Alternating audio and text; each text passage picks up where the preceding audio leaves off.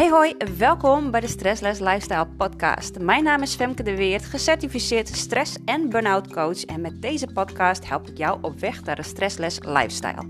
Mijn visie, het leven is om ervan te genieten, dus laten we dat ook gaan doen.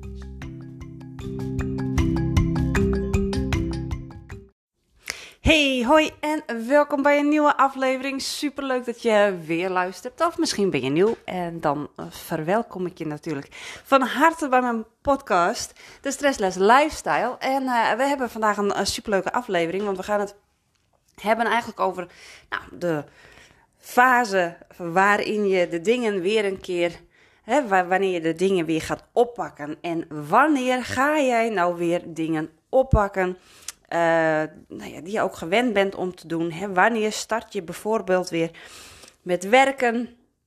Uh, hoe ga je dat aanvliegen? Waar moet je aan denken? Uh, nou ja, dat soort uh, vragen ga ik in deze aflevering beantwoorden. En ja, oppakken is natuurlijk een hele ja, mooie, fijne fase. Als je weer zover bent om dingen op te pakken. Nou ja, dan heb je, dan heb je weer wat energie terug natuurlijk. En dan zit je weer wat beter in je vel. Maar toch is het ook weer een hele ja, intensieve en interessante periode. Want er komt nog best wat bij kijken. En als ik dan ook even terugga naar mijn eigen proces. Um, je moet eerst gaan zorgen dat jouw energie um, nou ja, weer een beetje op peil is. En dat je ook het gevoel hebt dat je zelf, vanuit jezelf, ook weer zin hebt om dingen te gaan doen. En dan hoef je echt geen zin te hebben om alles te gaan doen, maar wel dat je gewoon een intrinsieke motivatie, zoals ik dat dan noem, dat je de, de, de motivatie vanuit jezelf vindt, dat je voelt dat je uh, nou gewoon zin hebt om bepaalde dingetjes weer te gaan doen. En dat kunnen gewoon kleine huishoudelijke taken te zijn. En voordat je dingen gaat oppakken, is het ook niet nodig dat je gewoon alles alweer kan. dat, is, dat is gewoon ook weer niet nodig. Wel dat je een bepaald gevoel hebt van hé, hey, ja, je mag gewoon rustig je dingen weer wat gaan uitbreiden. De dingen die je, nou ja, die je leuk vindt om te doen. Dat je dat goed in je programma hebt. Zo van hé, hey, dit is wat ik, waar ik nu echt energie van krijg. Dit is wat ik, waar ik blij van word. Of dit geeft me rust. Dat zijn dan wel een aantal, uh, aantal criteria die, uh, nou ja, die belangrijk zijn om in je achterhoofd te houden. Hè? Dat, het, dat het je energie geeft, of dat je er, je er rustig door voelt, of dat je gewoon nou, een voldaan gevoel krijgt. Hè? Dat is ook wel een goede om, uh, om mee te nemen.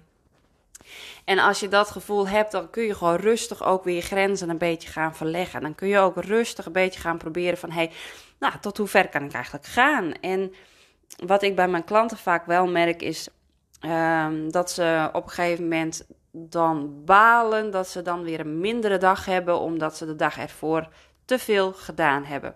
En ik zeg altijd: nee, dat is helemaal niet verkeerd, want dat is juist goed om te gaan ervaren van hé, hey, wat kun je eigenlijk doen? Op het moment dat je nooit over je grenzen heen gaat, op het moment dat je nooit uh, meer gaat uh, ondervinden dan wat je altijd hebt gedaan, ja, dan wordt het ook lastig om dingen te gaan oppakken. Want ja, je, je, je mag op een gegeven moment ook weer dingen gaan ervaren. En het ervaren dat je een dag dingen hebt gedaan en daarna een dag uh, rustig aan moet gaan doen, dan heb je ervaren dat je het kunt, maar dat het nog veel van je vraagt. En dan weet je ook weer een beetje waar je grens ligt.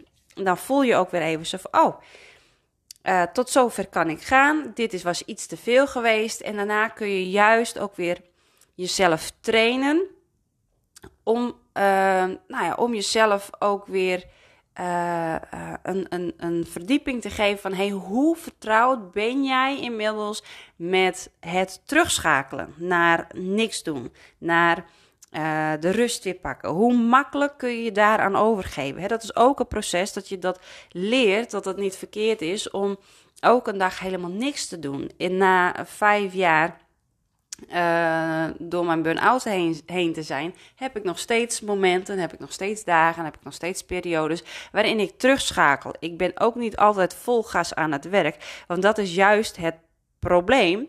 Dat is juist de levensstijl waardoor je burn-out gaat creëren. Dus ook later in je leven is het belangrijk dat op het moment dat je het voelt, zo van ah, ik heb vandaag echt even een, een, rotdag, het wil vandaag even niet, dat je ook jezelf dan de kans gaat geven om even nou, in die rustmodus te gaan zitten en juist te gaan ontspannen. Dus het is niet iets wat alleen in je burn-out gebeurt. Dit gebeurt eigenlijk door je hele leven heen. En nu krijg je gewoon de klap wat extra hard. Uh, omdat je lichaam er letterlijk dan weer, uh, nou ja, een beetje mee kapt, om het zo te zeggen. Zo kan het voelen. Het kan ook voelen dat je even terug bent bij af. Maar dat is niet, um, dat is niet, ja, dat is niet het, het, het, het stuk. Het is het, het leertraject dat je leert, dat, dat terugschakelen. Dat je dat gaat leren. Dat je gaat leren van, hey, zo schakel ik voor mezelf het beste terug. Dit gaat mij ontspanning opleveren. Dit zijn de momenten waarin ik weer even mag voelen en ervaren van, oh ja, zo was het. Hè? Dit is wat mijn lichaam nu nodig heeft. Dus als je op een gegeven moment die energie weer een beetje terug hebt en je vindt die intrinsieke motivatie, ga dan vooral kijken van, hé, hey, wat kan ik nog meer? En dat hoeft niet dat je, dat je in één keer een hele dag gaat werken. Nee, absoluut niet. Dat gaat er dan om dat je uh, nou ja, misschien vind je autorijden moeilijk. Uh, dat je zegt van, nou, ik ga toch een stukje autorijden. Of ik ga een stukje verder autorijden dan, dan dat ik gewend ben. Of ik ga een stukje verder wandelen dan dat ik gewend ben. Of ik ga uh, iets langer op visite dan dat ik gewend ben. Hè, dat zijn allemaal dingetjes waarmee jij je grenzen een beetje kan verleggen. En dan is het altijd nog heel lastig om in het moment te voelen ja, wat, wat wil mijn lichaam nu? dat zijn we niet gewend op het moment dat we met activiteiten bezig zijn of in groepen aanwezig zijn, met andere mensen aanwezig zijn. Dan zijn we heel erg in de activiteit en niet in onszelf. En dat is ook een leerproces dat je op een gegeven moment ook gaat voelen tijdens een bezoek of tijdens een activiteit van, oh, en nu is het genoeg geweest. Maar ook dat is een proces en daarvoor moet je wel je grenzen continu een beetje gaan verleggen. Nou, wanneer ben je dan eigenlijk klaar om bijvoorbeeld weer werkzaamheden op te pakken? En dit is wel een tricky one, dit is wel een, een lastig onderwerp. Want wat ik ook veel merk bij uh, mensen die een burn-out uh, hebben doorgemaakt of die daar op dit moment mee worstelen, is dat werk wel een hele zware stap is. Want daar zijn vaak ook wel activiteiten gebeurd Um, die ons lichaam nou, heeft opgeslagen, hè, waar ons lichaam een bepaalde herinnering aan heeft, waar ons stressbrein een bepaalde herinnering aan heeft. En dan is het helemaal niet zo fijn om, te, hè, om er überhaupt al over na te denken van hé, hey, uh, ik wil weer aan het werk. Dat is best een hele, hè, dat kan best een hele grote stap zijn om weer te zeggen van nou, ik moet weer terug naar die werkplek. En als jij het gevoel hebt van, nou, hè, ik ben eigenlijk wel nieuwsgierig goed met mijn collega's is. Ik ben eigenlijk wel een beetje nieuwsgierig hoe het, nou ja, hoe het er nu aan toe gaat. Ik ben eigenlijk wel een beetje nieuwsgierig um, uh, nou ja, hoe mijn werkzaamheden ervoor liggen of die erbij liggen. Dan zijn het eigenlijk al wel signalen dat je toe bent om gewoon eens even te proeven.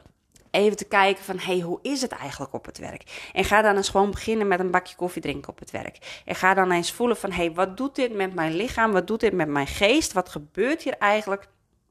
Met mij en hoe ga ik uh, zorgen dat het ook weer een veilige omgeving voor mij voelt. Want je lichaam, hè, vooral als je er ook in één klap bijvoorbeeld uit bent geraakt, dat je van de een op de andere dag niets meer kon, zoals ik dat heb gehad, dan is het best een stap om weer terug te gaan naar die werkplek, want jouw, jouw stressbrein heeft een negatieve associatie opgeslagen met die werkplek.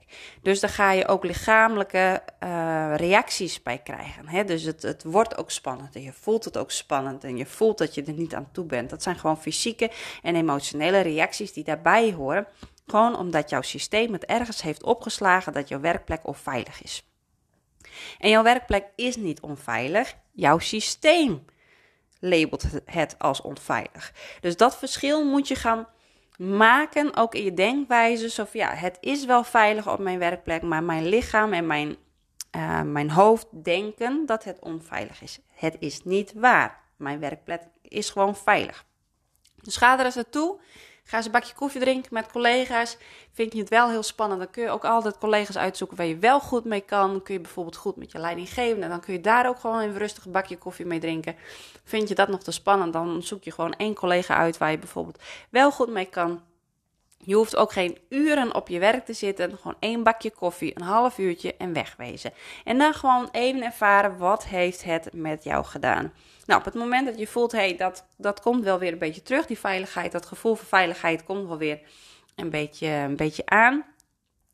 Dan kun je ook verdere stapjes gaan doen. Zo van, hey, uh, ga eens gewoon kleine taakjes uh, proberen die jij ook leuk vindt om uit te voeren. Het hoeft klein, het mag simpel, het hoeft niet ingewikkeld. Ga niet met de grootste projecten aan de gang.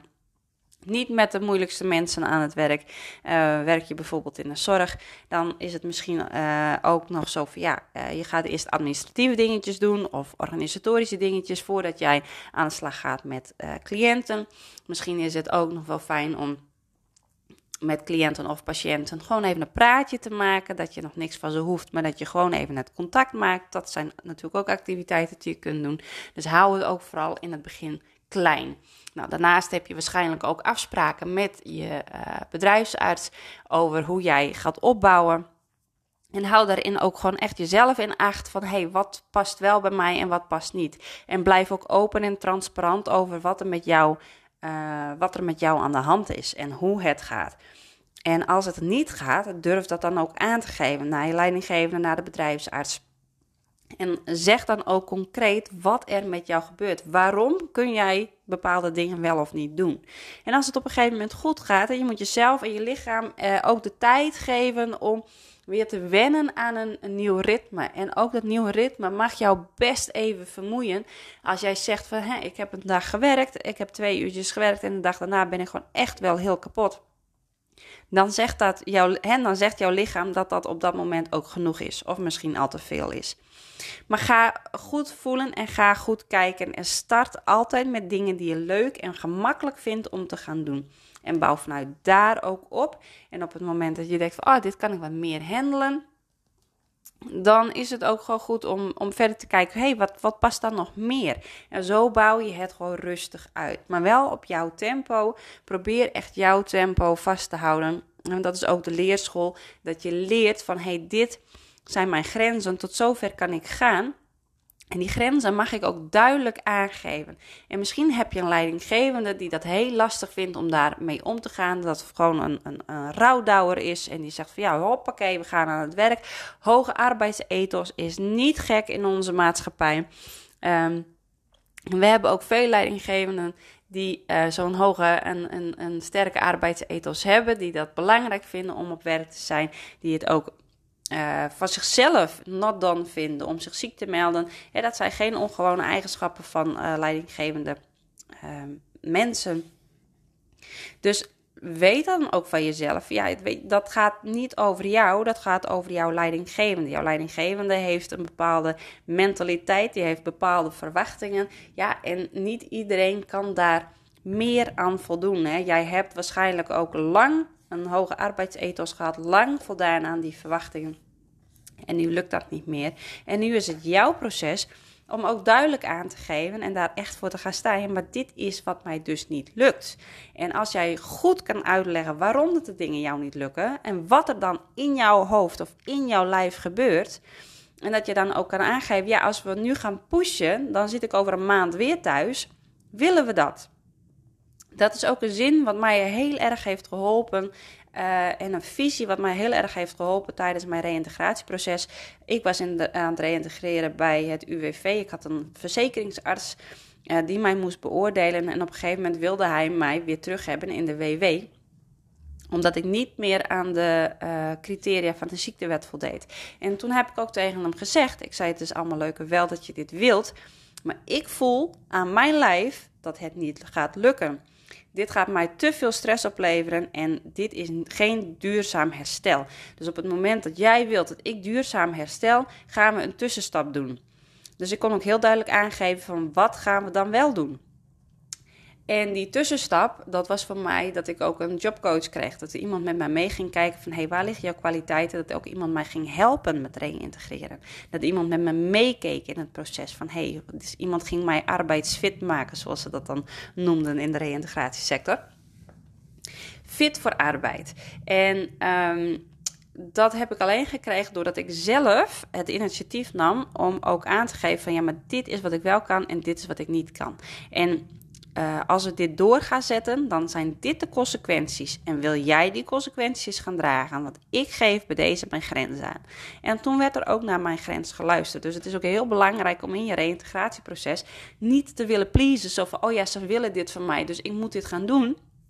Nee, dat is het niet. Het reïntegratieproces is juist dat jij bij jezelf kan blijven en uh, jouw grenzen ook kan blijven aangeven. Nou, en dat is dus ook iedere keer dat stukje stretchen. Het stukje stretchen.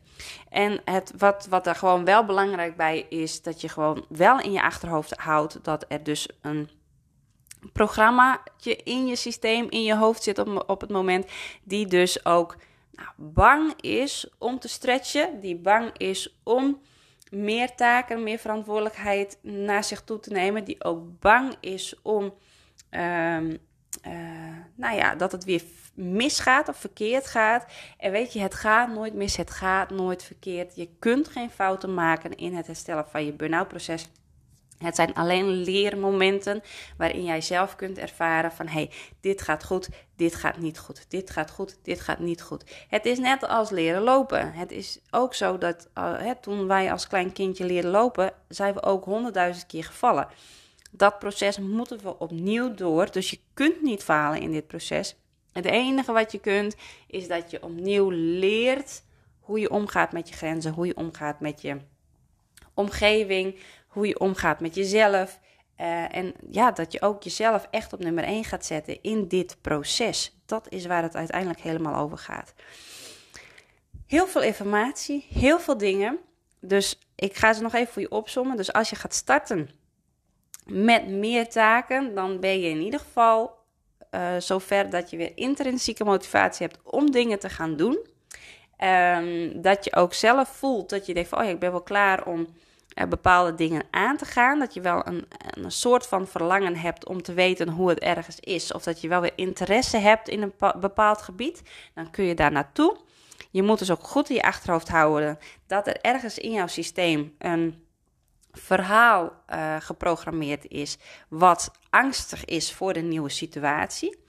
Uh, dat je jezelf daar los van koppelt. Dat je dus zegt van hey, uh, ik weet dat er een bepaalde angst is, maar ik hoef er niet naar te luisteren. Ik ga het gewoon ervaren. Ga altijd dingen doen die je leuk vindt om te doen. Begin met kleine taakjes. Uh, wees ook duidelijk en assertief naar zowel je leidinggevende als je collega's als je bedrijfsarts van wat kan wel, wat kan niet. En hou in je hoofd dat jij voor uh, dat je duurzaam wilt herstellen. Dus je gaat voor de ene keer burn-out ervaring en niet voor vaker. En daarin heb je dus het leerproces. Ja, dat je moet gaan communiceren over wie jij bent, wat je voelt, wat je kunt, wat je niet kunt, wat jouw grenzen zijn. En dat is het hele proces waar je op dat moment doorheen mag. En dat is ook een proces. Het is niet een ja, het is niet een kunstje, het is echt een proces. En uh, ja, daarmee kunnen uh, nou ja, coaches zoals ik, stress out coaches, kunnen je in dat proces ook blijven ondersteunen. Dus wil je daar ook meer informatie over, dan kun je altijd terug naar mijn website www.femkedeweert.nl. Ik zet hem nog in de, uh, in, de, in de comments of in het verhaaltje van de podcast. Dus dan kun je daarop klikken en dan kun je hem op mijn site kijken. Hey, ik wens je een hele fijne dag en ik zie je graag bij de volgende aflevering.